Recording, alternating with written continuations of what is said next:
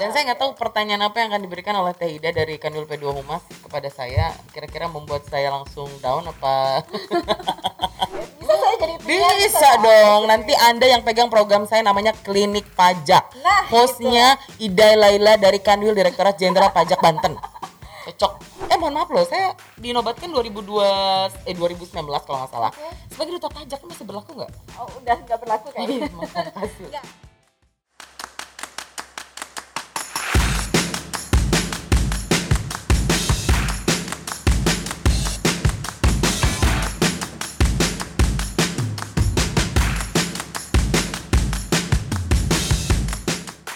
Assalamualaikum warahmatullahi wabarakatuh. Kawan pajak semua, apa kabar? Momen pandemi adalah sebuah fase pembelajaran yang sangat berharga. Akhirnya kita menyadari betapa berharganya kebebasan yang telah kita rasakan selama ini. Pandemi ini juga menyadarkan kita bahwa tantangan bisa datang kapan saja. Masa ini belum pernah terbayangkan sebelumnya, tapi berhasil menguji seberapa kuat kita bertahan dan memutar otak untuk bisa lebih keras dan kreatif dalam bekerja. Kembali bertemu di awal tahun 2021 dengan semangat baru dan tantangan baru, kawan pajak semua kini tengah menyaksikan podcast katalog gue Kanwil DJP Banten, tempat kawan pajak curhat, dialog, dan sharing dengan mengupas tuntas semua informasi perpajakan termasuk peraturan-peraturan perpajakan terbaru dengan para pakar dari Kanwil DJP Banten dan para stakeholder Kanwil DJP Banten. Jika kawan pajak mengikuti tren perpajakan saat ini, tentu tahu betul bahwa DJP sudah melakukan pembenahan dari berbagai aspek, mulai dari aplikasi dan layanan yang serba elektronik, fasilitas perpajakan yang lebih down to earth, mudah dipahami, mudah dilaksanakan, hingga perubahan mindset para pegawai pajak yang semakin ramah dan santun dalam memberikan pelayanan kepada masyarakat. Apalagi sejak pandemi COVID melanda dunia, banyak sekali perubahan yang sudah terjadi. Kawan pajak, khususnya di Kanwil DJP Banten, mau tidak mau sudah harus mulai melek teknologi dalam melaksanakan hak dan kewajiban perpajakannya. Berbagai peraturan terbaru dikeluarkan secara bertubi-tubi dalam rangka mengantisipasi perubahan yang begitu dahsyat sepanjang tahun 2020 kemarin. Hal ini merupakan wujud bahwa DJP berusaha untuk tetap memberikan pelayanan yang maksimal dan terbaik. DJP bangkit bersama masyarakat Indonesia dalam program pemulihan ekonomi nasional. Dan salah satu cara kami untuk bergandengan tangan bangkit bersama masyarakat adalah dengan membuat program podcast katalog gue Kanwil DJP Banten. Perkenalkan saya Ida Laila, host katalog gue Kanwil DJP Banten yang juga bertugas di bidang P2 Humas Kanwil DJP Banten. Senang sekali pada hari ini podcast katalog gue bisa hadir kembali untuk kawan pajak semua. Dan saat ini kita sudah kedatangan seorang tamu, seorang wanita dari salah satu kabupaten di Provinsi Banten, yaitu dari Kabupaten Pandeglang. Wanita cantik, masih muda, aktif, seorang wanita karir, dan tentunya multi-talented woman. Olga Octavia. Halo. Halo, apa kabar Olga? Baik, baik, baik, baik. Ini saya tersanjung loh. Hari ini saya diundang di podcastnya Katalog Gue. Ini programnya keren banget ya. Keren dong. Katalog gue itu katalog gue gimana? Oh, Jadi kita katalog gue cantik gak hari ini? Cantik dong. Katalog gimana gue? Ganteng. Oh, ganteng. ya, di program podcast katalog gue ini, Olga, kita itu ingin tahu opini dari masyarakat tentang DJP seperti apa. Karena kita kan harus terus-menerus melakukan introspeksi ya, baik eh, kita sendiri yang melakukan introspeksi ataupun masukan dan kritikan dari masyarakat supaya kita jadi semakin maju ke depannya. Begitu. Nah, Teh Olga ini adalah eh, penyiar di radio Paranti 105,6 FM hitsnya Pandeglang. Jie, Eh, cakep dong. banget. Ini sampai hafal banget loh radionya. Anda mungkin calon dong. penyiar berikutnya ya selain Oh, iya. host sekarang ya. Tidak, tapi saya ini memang eh, agak-agak gemeter saya diwawancara oleh Anda loh. Kenapa? Karena biasanya saya karena saya host ya Iya. dulunya, tapi sekarang juga masih sih, tapi tiba-tiba saya tersingkirkan dengan kehadiran Anda. host baru ya. Ternyata Nah, seperti ini eh, menjadi seorang narasumber, seorang Rasanya yang ditanya-tanya tuh luar biasa ya. biasa. harus Oke. nyiapin jawaban-jawaban dari pertanyaan yang tidak terduga ya. Iya, dan saya nggak tahu pertanyaan apa yang akan diberikan oleh Teh Ida dari Kanwil P2 Humas kepada saya. Kira-kira membuat saya langsung down apa? Jangan dong. Oke, Ini kita oke. bincang santai aja Oke. kawan pajak semua. Kita pengen tahu nih dari dari eh, pandangan seorang penyiar yang juga tapi katanya nih Olga ini bukan hanya seorang penyiar tapi dia juga seorang pengusaha Wow. juga katanya nih kalau dari CV yang saya terima dia juga sedang sekolah ingin menjadi seorang notaris. Oh iya, biasa. waduh. Luar biasa. Iya iya iya. Banyak sekali loh. kesibukan Teh Olga. Nah, dengan kondisi pandemi seperti ini Teh Olga gimana? Kesibukan itu masih terus aktif ke mana-mana atau semuanya harus mengerjakan dari rumah? Sebenarnya gini, kalau kita cerita tentang eh, kehidupan kita yang sampai saat ini di usia saya yang sudah eh, sangat muda sekali ya. Kadang kita tidak pernah tahu posisi kita tuh ada di mana.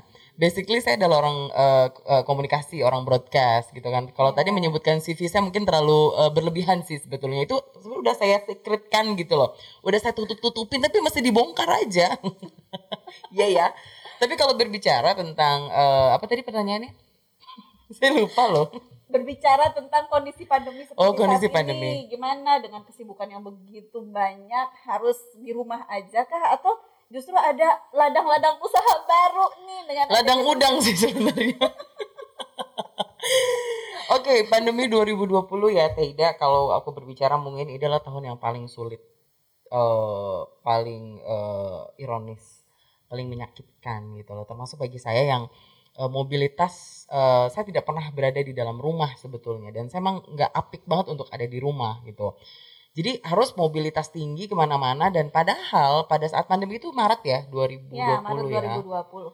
Maret 2020 sampai dengan Desember itu memang harus menguras eh, otak, menguras keuangan juga, termasuk juga jadi kayak gini loh. Pandemi itu kayak semacam kita tuh dituntut untuk eh, kreatif ya. Ya, betul. Iya gak sih? Tapi di sisi lain ada hal yang membuat kita pun jaga diri kita sendiri gitu loh. Kayak semacam- iya nggak? kan khawatir ya kondisi heeh. sebenarnya kita nggak pernah tahu siapa tuh yang sakit, Heeh. siapa yang OTG. OTG. Kita tetap harus ke mana-mana tuh harus jaga-jaga Mm, ya. mm, mm. Makanya kita juga sekarang nih kawan pajak kita harus pakai Masker. masker atau face shield ya shield supaya juga. walaupun kita ngobrol seru-seruan kayak gini tapi nggak ada nih droplet yang Mm, mm, berpindah dari atau nyemprot gitu ya. Iya iya. iya tetap harus jaga-jaga jadi selama ini tetap ya ke mana-mana gitu Saya ke mana-mana tetap, cuman eh, memang awal-awal agak-agak parno abis dan agak serem juga karena saya tahu bahwa tuntutan kehidupan saya sehari-hari pasti harus bertemu dengan banyak orang. Iya. Sebenarnya tidak hanya bertemu banyak orang juga sih, Taida lebih kepada eh, saya harus ada ber- berada di luar, harus eh, berada di di lapangan karena saya juga memang orang lapangan karena tidak biasa di dalam ruangan ya. Tapi benar tadi untuk protokol kesehatan itu eh, itu tadi benar-benar dijaga sampai dengan em, ya kita nggak pernah tahu siapa yang terpapar di luar sana karena memang sangat riskan sekali Betul, gitu loh betul, betul. seperti itu Iya. Nah, kalau misalnya Teh Olga nih mesti ke mana-mana nih mencari informasi, apalagi jadi penyiar nih. Ketika mau siaran, tentunya kan nggak mungkin tuh di ruangan aja mencari informasi yang mesti ke mana-mana. Persiapannya seperti apa sih Teh? Kalau jadi penyiar itu harus ngapain aja sih? Ada ritual-ritual Hmm, khususnya kayak dulu. sesajen sih mungkin sejenis kayak saya eh, bawa-bawa se- se- sejenis eh, apa eh, letupan-letupan terus kayak ada bunga-bunga sama gitu. wewangian ya. sih biasanya banyaknya kayak gitu. Sebenarnya penyiar apa dukun? jadi gini ya walaupun saya seorang penyiar yang tidak pernah ter- ter- terlihat oleh dunia luar yang tidak tahu muka saya kayak gimana yang cuma tahu suara saya tapi benar-benar kalau di ruangan mau siaran itu pasti saya harus wangian harus berdandan Oke. gitu loh. Itu ada itu ya, benar ritual itu benar ritual benar. Cocok cocok. Jadi Ada walaupun kami penyiar yang hanya di ruangan aja bagi saya penampilan itu nomor satu gitu. Walaupun harus eh, apa? Harus eh, ada siaran pagi-pagi gitu Ah. dalam kondisi baru bangun tidur Ah, dan sebagainya ah. tetap harus udah cantik. ya. eh enggak juga sih kalau itu jadi kalau saya by request klien gitu loh Oke. Enggak, kalau siaran pagi jadi tadi ceritanya adalah eh, gimana untuk persiapan jadi Iya. penyiar gitu kan. Iya. Penyiar itu sebenarnya adalah hobi, hobi yang dibayar. Oke. Oke, hobi yang dibayar di mana eh, bagi eh, semua em, eh, apa eh, orang-orang di luar sana yang kadang melihat bahwa penyiar itu sosoknya kayak gimana sih nggak pernah terlihat cuma suaranya doang, nggak Iya. tahu mukanya eh, gimana cantik, ganteng atau lucu atau kayak gimana. Sebenarnya yang kita jual adalah suara.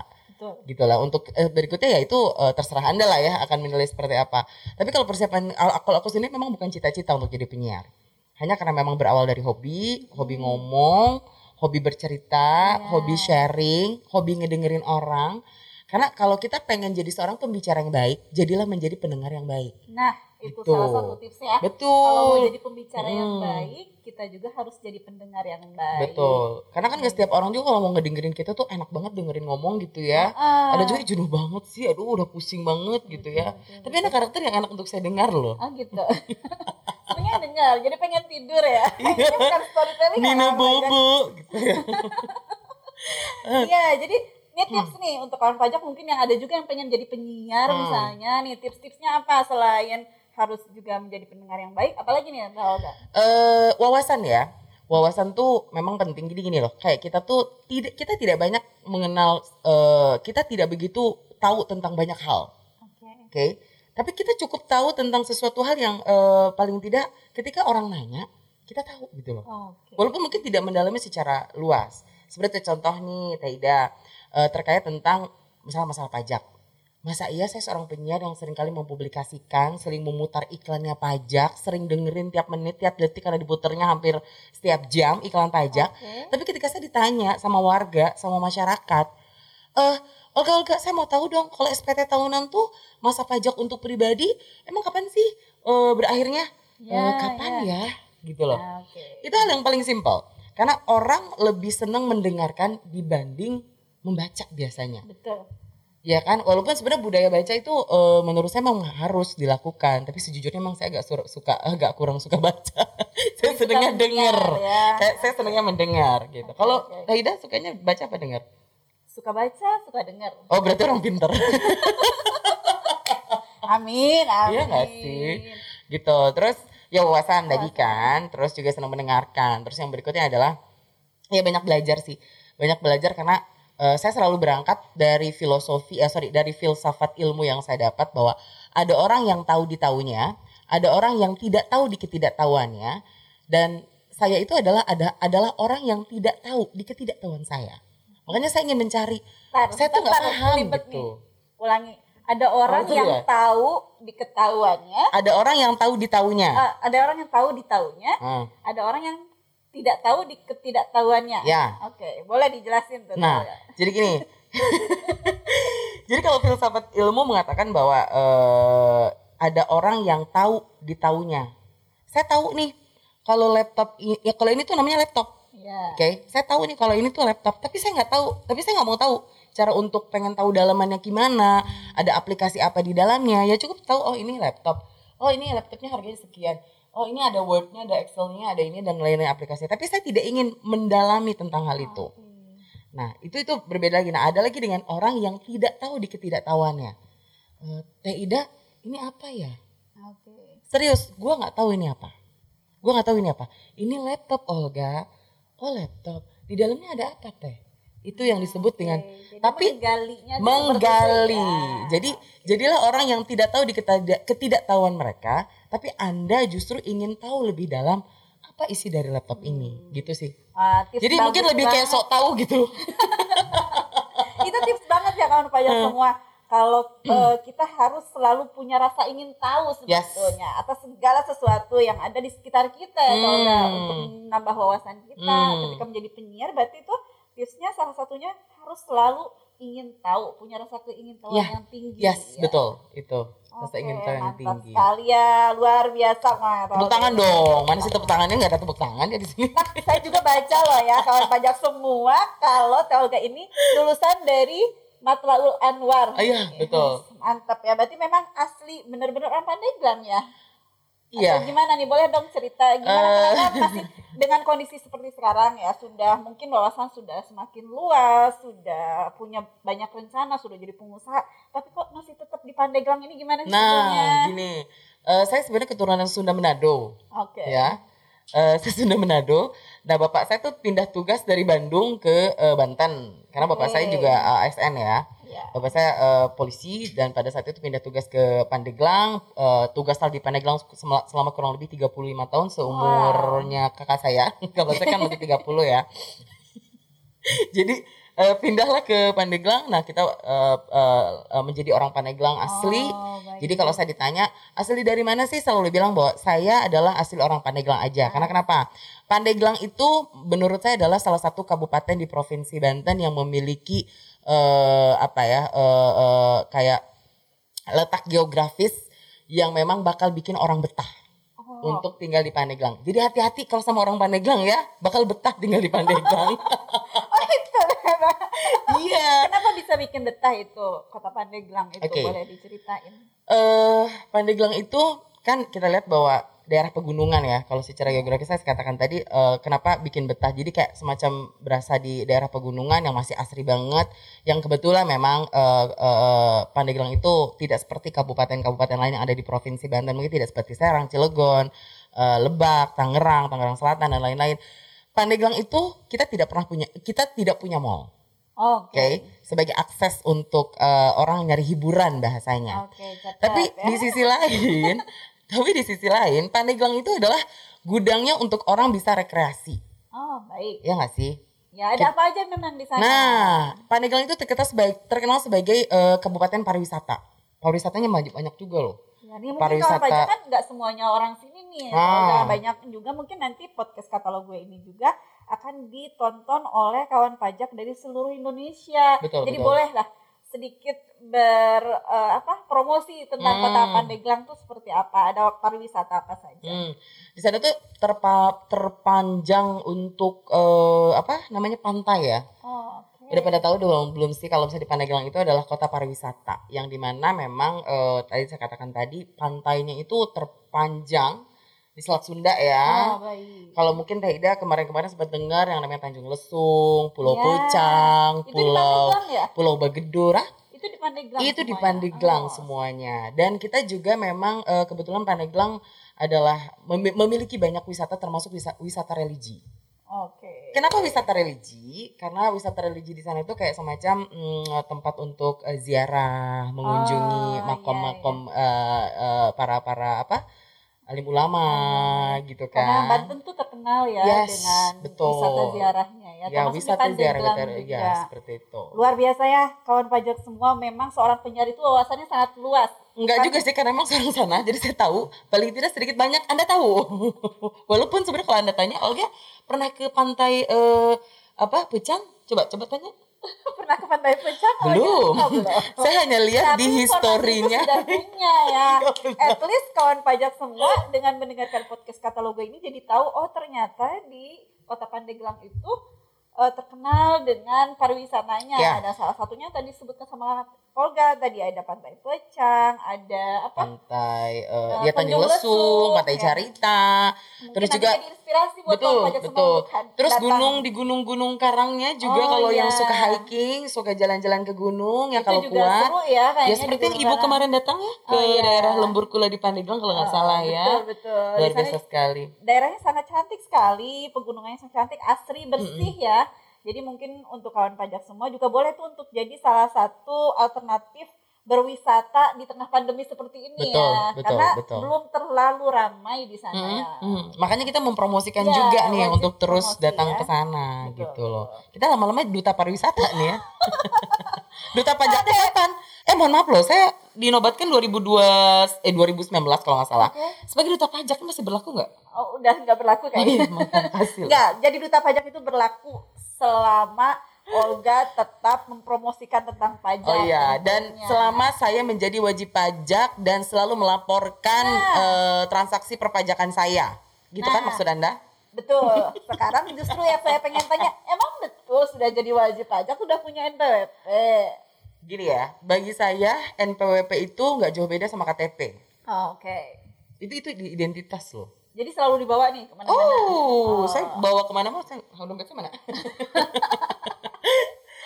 NPWP ya, kalau ngomongin NPWP, saya ber-NPWP itu kalau nggak salah tahun 2000, eh, saya lulus SMA tahun berapa? Coba, Mana saya gimana saya tahu ya?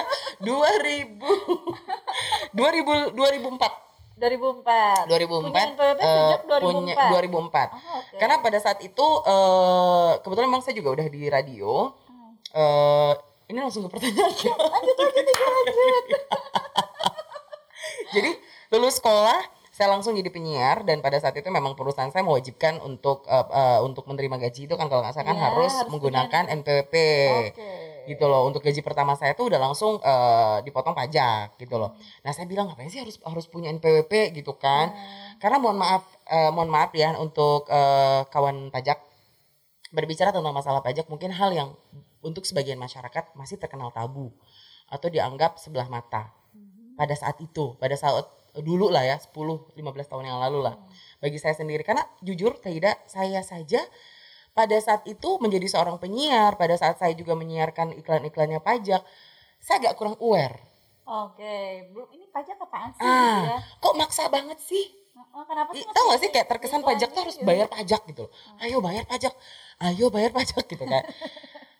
Ya kalau nggak salah mindset tuh dah, wah pajaknya ribet banget harus Heeh. bayar. Aduh males banget sih harus bayar. Padahal emang apa sih yang dirasain kalau kita bayar Ah, pajak? Iya, Iya nggak iya, sih? iya, iya, Emang ada iya. gunanya kalau kita bayar pajak? Gitu kan.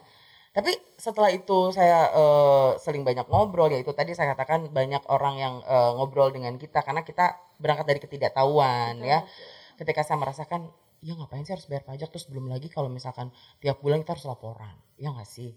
Harus borong lo ibu eh, eh, laporan Oh, berjubel-jubel perusahaan ya, gitu ya. ya. Ah, kalau yang perusahaan kan harus yang laporan tiap bulan tuh karena saya juga kebetulan waktu itu masih di admin Oh, di admin baik. perpajakan juga. Jadi selain jadi penyiar, saya pun jadi admin pajak Wow, di kantor. Jadi luar biasa ya Iya. baru bekerja di kantor itu jadi admin perpajakan, jadi penyiar Hmm, juga. jadi kalau anda tadi bilang eh, CV saya eh, apa mu- apa tadi multi talent, iya. jadi selain Emang jadi ya, penyiar, ahli pajak, gali sumur, eh, buka jebolan ikan emas, itu saya bisa di situ. Jadi apa pun segala ya, palu ya, gada ya. palu gada, tapi Oke. nggak sampai gitu juga kan, jungkir balik gue. Ya, ya. Oke, Oke. balik lagi. Balik lagi. eh, tentang pajak nih, Ya. tahu nggak? Berarti sudah punya NPWP sejak 2004. 2004. 2004 sejak itu memang sudah bekerja sebagai penyiar ya. Yes, pada sudah penyiar bekerja- dan juga staff, staff di Oke, radio. Jadi sudah punya penghasilan, Hmm. kemudian harus diharuskan mempunyai NPWP. Yes. Lu terdaftar di mana itu? Daftarnya di mana itu? Eh, di KPP Pandeglang. KPP Pandeglang. Hmm. Oh, berarti Olga ini adalah salah satu wajib pajak di kantor pelayanan pajak Pratama Pandeglang. Oh iya, saya mau menyapa dulu untuk kakapnya ya. Oh Selamat iya. siang untuk Pak Ismail. Itu adalah eh, apa? Kepala kantornya Kepala ya. kantor pelayanan pajak Pandeglang. Betul. Ya, kebetulan sekali kalau tidak salah kantor pelayanan pajak Pandeglang ini betul-betul berseberangan ya. Dengan Lokasinya kantor saya. dengan, eh, Kurang lebih lima langkah lah dari kantor. Wow. Kayak lagu dangdut, lima langkah dari rumah. lima langkah dari kantor dari maksudnya. kantor ya. Ternyata Gila. Hmm. memang deket banget sebetulnya secara eh, letak pun berdekatan. Sebenarnya kita juga jadi lebih nyaman gitu untuk menyampaikan informasi-informasi perpajakan melalui radio Paranti Betul, ya. betul, betul, 105,6 Hmm. ya. Apa Pandeglang. Pandeglang? Coba coba satu seratus lima ya, siap ya. Satu dua tiga. Seratus lima koma enam Paranti FM. Oh, ulangi ulangi. Oh salah. Oke. Yuk. Satu, dua, tiga. 105,6 Paranti FM hitsnya Pandeglang. Oke, bisa saya jadi penyiar, Bisa saya. dong. Nanti Anda yang pegang program saya namanya Klinik Pajak. Nah, Hostnya Ida Laila dari Kanwil Direktorat Jenderal Pajak Banten. Cocok. Oh, Oke, Ya. terima kasih. Langsung saya hire Anda dan saya gaji Anda sebulan 2 miliar. Dipotong pajak penghasilan 200 persen. Bentar dong gitu. Maaf. Wah, nanti Oke. ini malah jadi seru pajak penghasilan tarifnya segitu. Iya, Nah, enggak dong. enggak Pajak penghasilan berapa, Bu? Berapa? Tergantung dari penghasilannya sampai dengan 50 juta hanya kena berapa? 2 persen. 5 persen. Oh, 5 persen. saya salah. Wajar saya orang bukan orang pajak. Iya. Tapi saya hanya menyebarluaskan informasi pajak. Tapi seru ya kawan pajak. Ini eh, Olga ini adalah penyiar di Paranti FM tadi. Nah, di Paranti FM ini eh, Olga punya satu program bekerja sama dengan Direktorat Jenderal Pajak. Namanya apa, Olga? Oke, eh kami sudah kerjasama dengan Kanwil Direktorat Jenderal Pajak itu kurang lebih sampai dengan tahun ini itu hampir mau enam tahun. Nah selama enam tahun ini kita membuat yang namanya klinik pajak teh. Klinik pajak. Ya. Oke. Eh, klinik pajak ini eh, kita hadirkan setiap dua minggu sekali, di mana narasumbernya itu ini yang unik banget ya.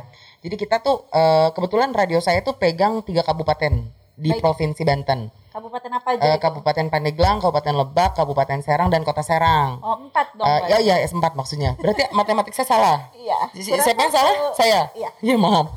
Saya maafkan. Oke. Jadi dan selain itu juga karena kita kan sekarang udah beralih ke digital kan, udah ada streamingnya juga. Jadi sebenarnya tidak harus di area itu saja. Nah, klinik pajak selama enam tahun ini ini antusiasnya luar biasa loh teh. Iya. Masyarakat ini ya, kalau pada saat klinik pajak itu berlangsung, masyarakat banyak nih yang mendengarkan. Yes, lebih interaktif ya. Oh, Karena kita berbicaranya kayak pendengar itu kan ada pendengar aktif sama pendengar pasif. Iya. Ketika ditanya apa sih pendengar aktif? Ya pendengar aktif itu adalah orang yang stay tune Iya. pada saat eh, kita siaran. Baik. Oke, contoh, eh, misalkan kita lagi siaran, ada yang interaktif kita SMS atau telepon. Perbandingannya kalau se- secara secara data statistik yang eh, bukan data statistik, data yang kita peroleh kalau survei lah ya bahasanya. Iya, iya. Tapi bukan surveinya Nielsen sih, lebih ke independen aja. Jadi kayak semacam satu pendengar aktif ketika mengirimkan SMS ke kita sebagai penyiar itu sama dengan perbandingan satu berbanding 100. Satu pendengar aktif dengan 100 pendengar pasif. Itu harus satu pendengar loh yang ikutan.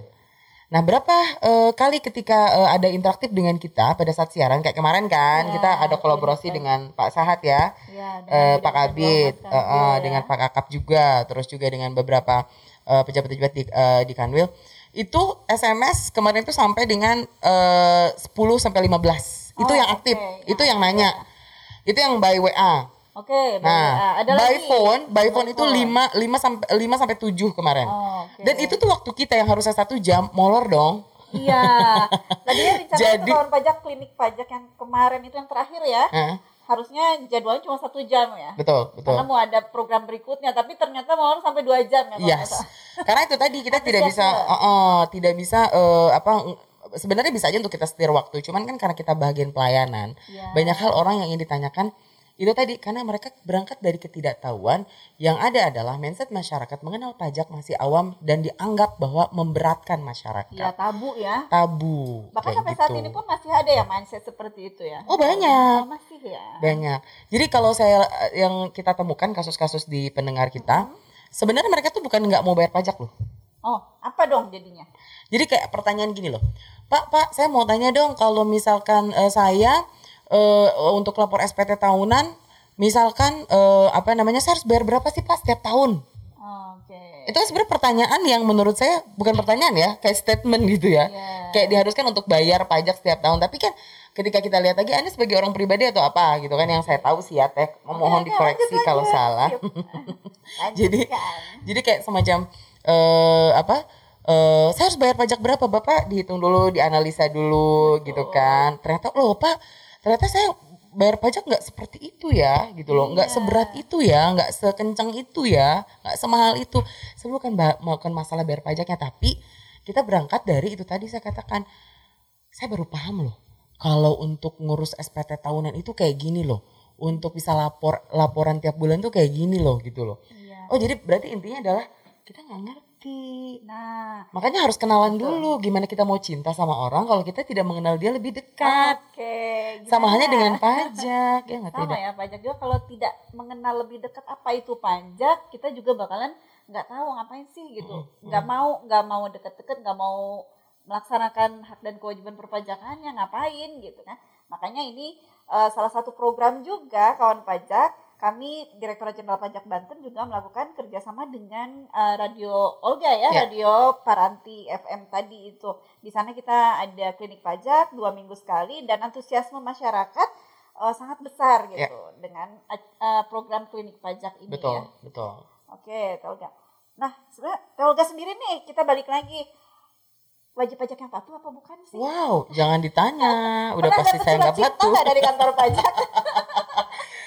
oke saya termasuk yang patuh apa tidak karena saya orang pribadi ya ya, secara Saya pribadi, pribadi, ya. secara dengan, pribadi. eh, usaha yang dimiliki. Oh ya, Olga. dengan pribadi dan juga dengan beberapa eh, ya usaha kecil-kecilan lah teh. Eh, karena saya eh, saya tuh kalau ketika saya katakan tadi saya punya NPWP itu adalah identi- identitas saya. Betul. Karena kayak semacam eh, kita tuh punya identitas baik secara pribadi maupun secara institusi ataupun organisasi.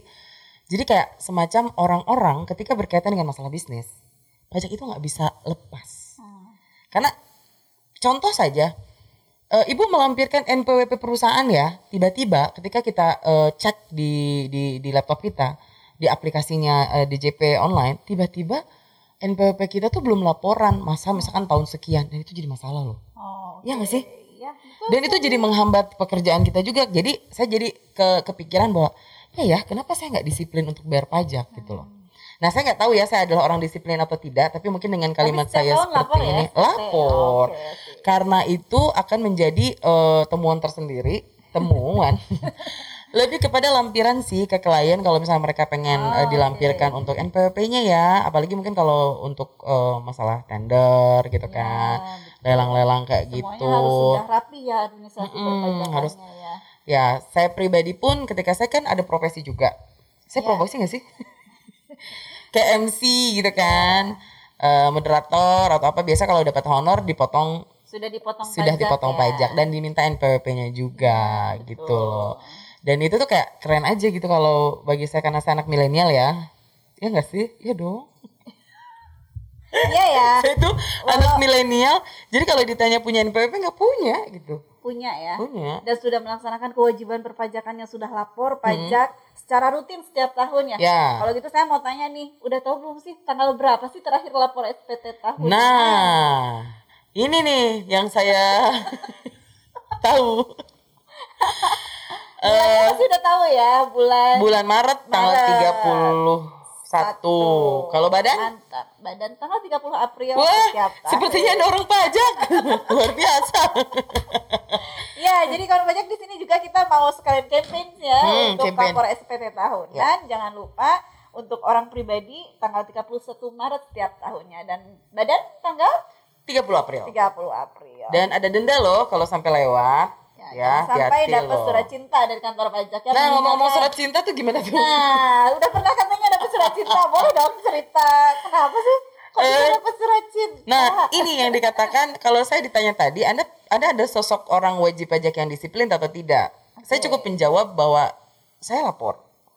Saya mengikuti aturan perpajakan karena yang saya tahu eh, pajak itu kan suka berubah-ubah ya, peraturan permenkenya ya, betul. peraturan menteri keuangannya ya. Ada peraturan menteri keuangannya, Uh-uh. ada peraturan dirjennya. Oh, peraturan kita dirjennya nanya. juga. Ya. Nah, tapi ya eh, itu tadi dengan adanya beberapa perubahan itu kayak kayak kita tuh dituntut untuk ngikutin gitu loh. Ngerti nggak?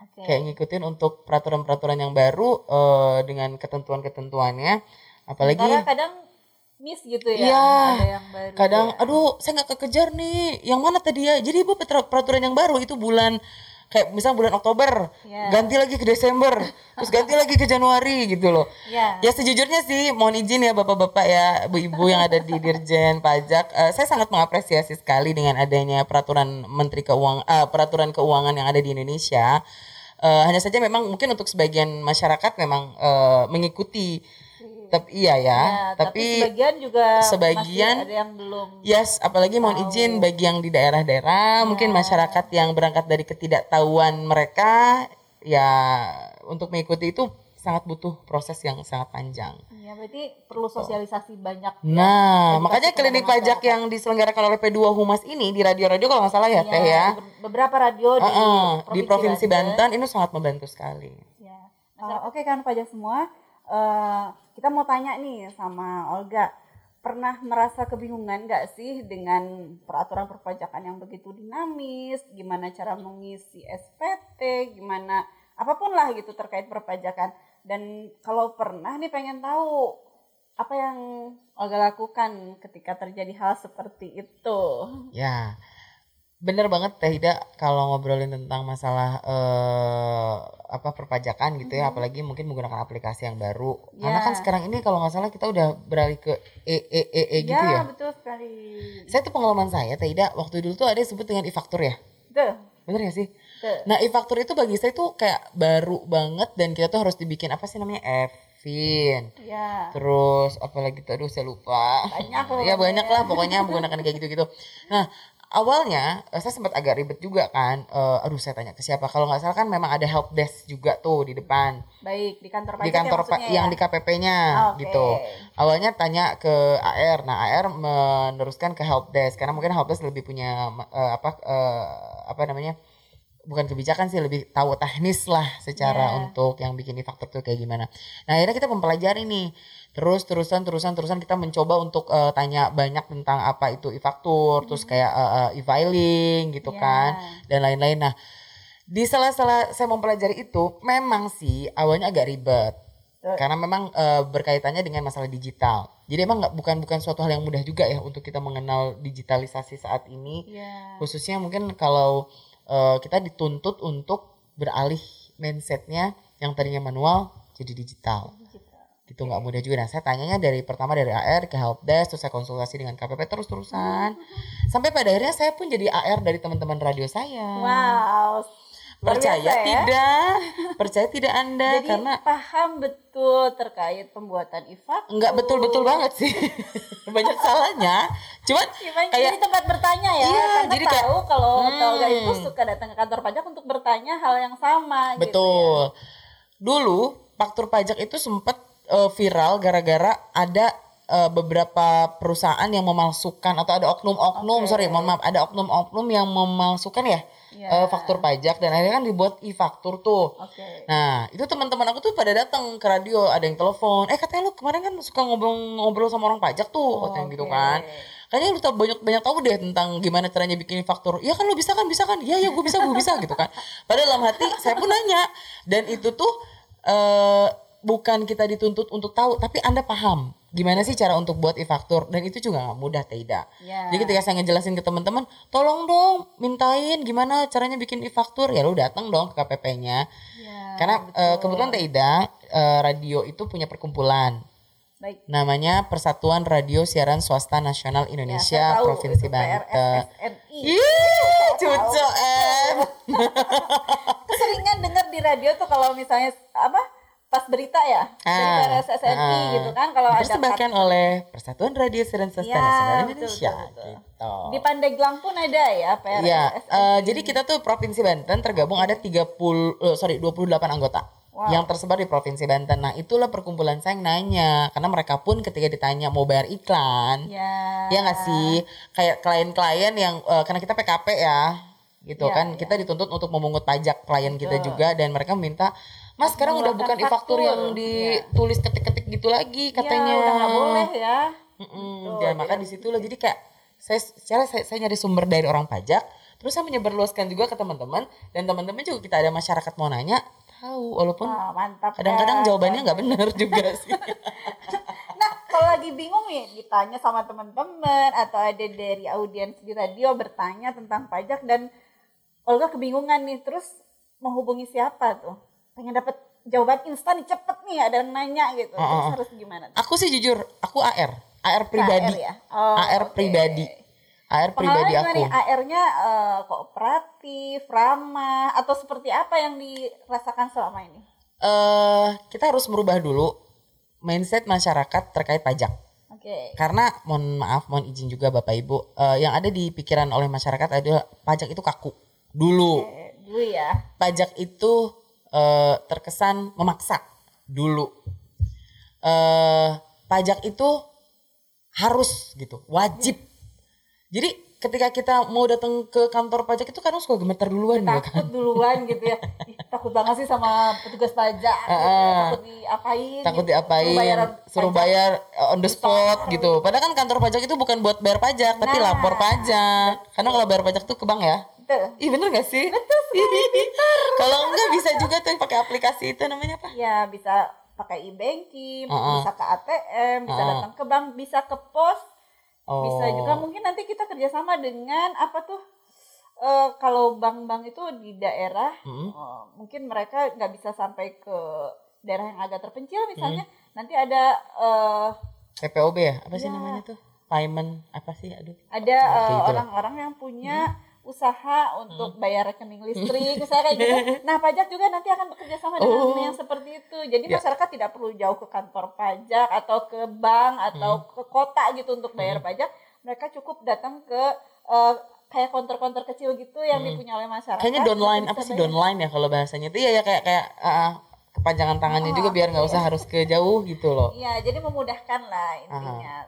Kalau dulu mungkin ya sulit ya untuk bayar pajak, udah ngitungnya susah, bayarnya Hmm, susah betul. ya. Tapi Beda ya, kalau gaya dulu, pajak dulu sama sekarang.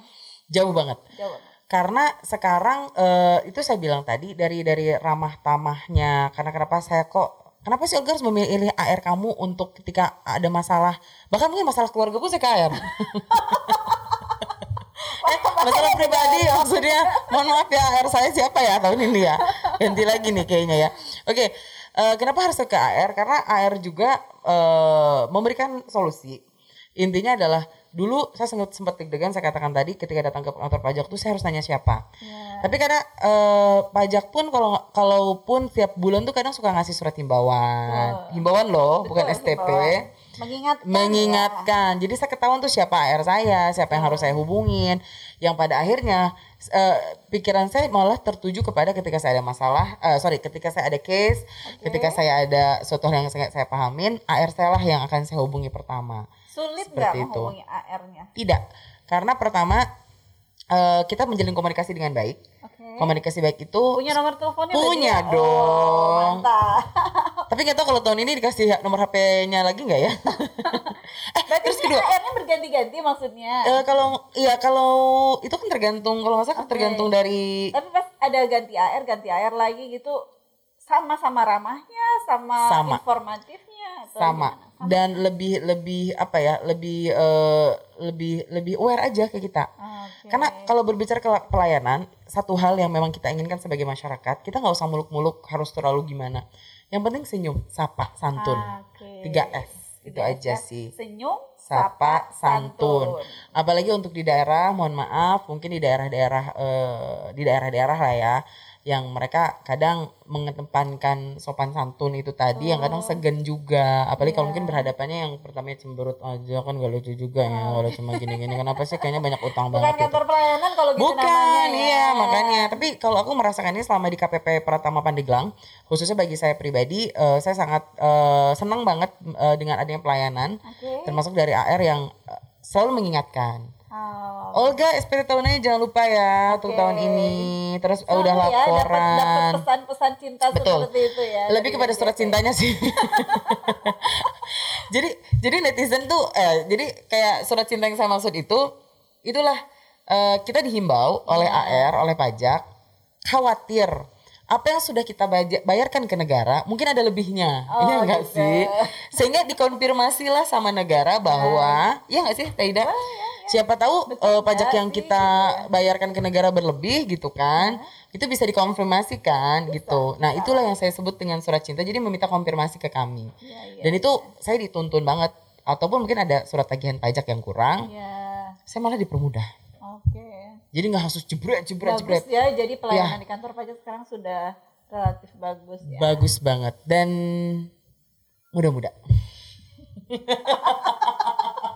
Catat ya, di Iya kantor dong. pajak sekarang Mudah. hampir di seluruh Indonesia itu. Iya, itu kenapa ya? Banyak sekali generasi-generasi mine- milenial. milenial Iya. oh jadi seger ya kalau masuk ruangan itu ya Jadi fresh. fresh fresh from the campus Iya, masih gitu pintar-pintar. Uh, smart Ya, smart bisa menjelaskan eh, atau menjawab semua permasalahan-permasalahan yang Betul. masyarakat itu sih tanyakan penting ya. penting sih itu intinya gitu Kalau masukannya nih, tadi kan kantor pajak sudah Hmm. bagus, pelayanan bagus. Masukannya sendiri nih buat kantor pajak, nggak cuma KPP Pandeglang mungkin ya untuk eh, seluruh kantor pajak yang ada di Indonesia nih. Kira-kira apa sih masukannya buat kebaikan kami ke depannya? Hmm, masukannya sih sebenarnya nggak begitu kalau gini loh eh, kita kembali lagi pemahaman terkait perpajakan itu tidak semudah kita eh, memberitahu orang bahwa ayo bayar pajak. Yang ada di pikiran masyarakat adalah selalu negatif. Karena mereka menilai bahwa eh, untuk apa sih kita bayar pajak? Jadi intinya balik lagi bahwa memahami arti pajak itu dulu deh. Dan itu pun tidak mudah kan tidak bagi Ya, P2 Humas untuk bisa masuk ke cara berpikir kami sebagai masyarakat bahwa eh untuk statement bayar pajak aja lo bayar bayar, bayar pajak itu kayaknya negatif. Karena mereka tidak bisa belum menyadari secara langsung apa sih kontribusi pajak untuk kalau saya bayar. Kalau Teh Olga sendiri tahu nggak sih kontribusi pajak kalau misalnya Tahu. bayar tuh manfaatnya apa sih? Nah, jadi kalau masukan saya sih intinya pendekatan secara emosional dulu deh Oh, dengan oke. masyarakat. Persuasif ya? Yes, masukannya kayak gitu. Karena ketika orang sudah aware, ketika orang sudah trust gitu kan, nggak usah disuruh bayar pajak aja juga udah pengen bayar pajak bawaannya. Oh, wow. gitu Luar nggak sih? ya, iya betul. Iya. Jadi kalau sudah paham betul bahwa ini sangat bermanfaat buat mereka, Hmm. otomatis tanpa harus disuruh, tanpa harus diingatkan, tanpa harus dihimbau, dengan sendirinya kawan pajak akan langsung melaksanakan kewajiban perpajakannya gitu Ya. Betul. ya. Nih contoh, eh mohon maaf, kita punya penghasilan setiap bulan. Mungkin bagi setiap orang, khususnya mungkin bagi eh, masyarakat yang biasa bersedekah, jadi kayak Ya. bayar pajak tuh bagi saya tuh kayak sedekah gitu loh. Oke. Yang kita eh, apa kita bayar ke eh, sorry kita kita kita eh, eh, apa namanya mm, bayar pajak, dirasakannya memang tidak pada saat itu. Jadi sama kayak kita punya penghasilan, kita eh, mungkin bersedekah ke orang, kan nggak kerasa pada saat itu juga. Ya, ya, ya. Itu artinya kayak semacam ya jadikanlah eh, bayar pajak ini sebagai kebutuhan Anda yang tidak akan Anda rasakan pada saat itu juga. Tapi entah itu kapan bagaimana apa kapan dengan siapa kita tidak pernah tahu bahwa pertolongan ketika kita membantu sesama manusia kan bahasanya seperti itu ya. Maka a- akan ada timbal balik sama halnya seperti pajak yang saya tahu sih. Kayak mungkin anak saya bersekolah di sekolah negeri, saya nggak usah bayar eh, iuran SPP-nya. SPP, karena itu sudah ditanggung oleh Gitu, pajak. gitu gak sih ya? itu kan nggak sadar bahwa pertolongan itu. 20% dari anggaran pemerintah itu dialokasikan untuk pendidikan. Jadi kawan-kawan pajak yang punya anak sekolah mulai SD, SMP, SMA negeri semuanya itu sudah di cover oleh pajak untuk SPP-nya. Ya, itu betul. itu sangat terasa sekali ya sampai ke desa-desa, ke daerah-daerah. Kemudian jalan tau gak? Iya benar-benar. Jalan itu kita rasakan jalan pembangunan jalan mulus, jalan kita mau ke mana aja tuh jalan-jalan tuh sudah bagus gitu kan? Mau denger saya nyanyi nggak? Mau denger saya nyanyi? Boleh. Apa? So, boleh di Dan lihat pembangunan di negeri ini Oh. tak mungkin berdiri dengan begitu saja. Jadi gini, membayar pajak, Wah. bukti kepedulian kita terhadap sesama. Gitu. Oh. Mau tahu penciptanya siapa? Saya nggak tahu. Saya cuma dengar iklannya di radio doang. Nah, Jingle. itu jinglenya pajak ya. Kawan pajak semua sampai hafal karena dia hampir setiap jam mendengarkan sampai bosen. iklan pajak. sampai lirik kita lupa lagi. Oke. Mantap, mantap, mantap. Kita minta closing statementnya nih dari Telga terkait pajak, terkait kesan-pesan yang tentang pajak dan apa pun lah untuk menutup eh, sesi kita pada siang hari ini. Hmm. Eh, saya nggak muluk-muluk. Pajak eh, adalah kontribusi wajib yang ya diharuskan oleh seluruh masyarakat Indonesia. Karena dengan pajak eh, inilah pertumbuhan ekonomi di Indonesia akan semakin tinggi, termasuk juga dari penghidupan yang layak juga akan di eh, apa akan kita rasakan. Memang tidak pernah kita tahu seperti apa sih pajak itu bentuknya ketika kita membayar namun Anda mungkin secara tidak sadar dari hal yang tadi sudah disebutkan itu eh, itulah kontribusi yang Anda berikan eh, kontribusi yang diberikan oleh pajak kepada negara karena dari dari dari dari dari masyarakat untuk masyarakat. Pesan untuk DJP eh, terus memunculkan inovasi-inovasi baru karena ternyata zaman sudah berubah. Lain dulu, lain sekarang. Yang dulu biarkanlah berlalu, tapi kita ada sekarang di kehidupan yang nyata, di kehidupan yang saat ini harus kita jalani dengan era digital saat ini. Justru ini memudahkan kita, wujud eh, khususnya saya sebagai wajib pajak, sangat mengapresiasi dengan adanya terobosan-terobosan yang terjadi saat ini. Karena itu tadi eh, nampaknya eh, pajak pun mengikuti zamannya untuk orang mau apa. Oke. gitu loh mau apa. Jadi bukan eh meng apa bukan lagi i- eh, intervensi terhadap wajib pajak. Justru wajib pajak yang yuk lo mau apa? Gua ladenin. Oke. gitu. Tapi itu luar biasa sekali. Tapi intinya thank you banget. Thank you so much untuk Direktur Jenderal Pajak yang sudah memberikan fasilitas yang luar biasa untuk kami sebagai warga masyarakat. Dan mohon dukung kami juga. Eh support kami juga. Support sistemnya adalah terus mensosialisasikan. Karena kami berangkat dari orang yang tidak tahu di ketidaktahuan saya. Wow, luar biasa. Closing statement yang sangat luar biasa. Iya. Demikian tadi bincang santai kita pada podcast katalog gue Kanwil DJP Banten. Eh, terima kasih atas kesediaan Olga untuk sharing, sama-sama curhat juga ya dan dialog serunya iya. pada hari ini. tapi tadi nggak ada sedihnya loh harusnya tadi ada sedihnya. ada Kalau curhat. "Uh, gitu gitu harus ternyata gitu curhat-curhatnya itu cuma nampung curhatnya dari eh, teman-teman Iya, teman-teman, dari- radio, iya, gitu. ya. terima kasih itu banyak cerita dan masukan Yes. buat DJP mudah-mudahan ini menjadi masukan sangat penting dan bisa membuat DJP jadi lebih maju pasti pasti Terima kasih juga untuk semua kawan pajak yang telah mendengar dan menyaksikan podcast katalog gue Kanwil DJP Banten. Untuk obrolan seru serta tips-tips perpajakan lainnya, atau jika kawan pajak ingin menghubungi kami, silahkan follow IG Kanwil DJP Banten dan Twitternya di @pajakdjpbanten serta Facebook dan YouTube channel kami di @kanwildjpbanten. Saya Ida Laila, host podcast katalog gue Kanwil DJP Banten, mengucapkan terima kasih dan mohon maaf yang sebesar-besarnya jika ada hal-hal yang kurang berkenan. Terima kasih Holga thank you dan sekali lagi pajak semua. Ya, Sampai dan jumpa. terima kasih di podcast kali ini bareng Direktur Jenderal Pajak di Katalog gue. Gue. Wassalamualaikum warahmatullahi wabarakatuh. Wabarakatuh.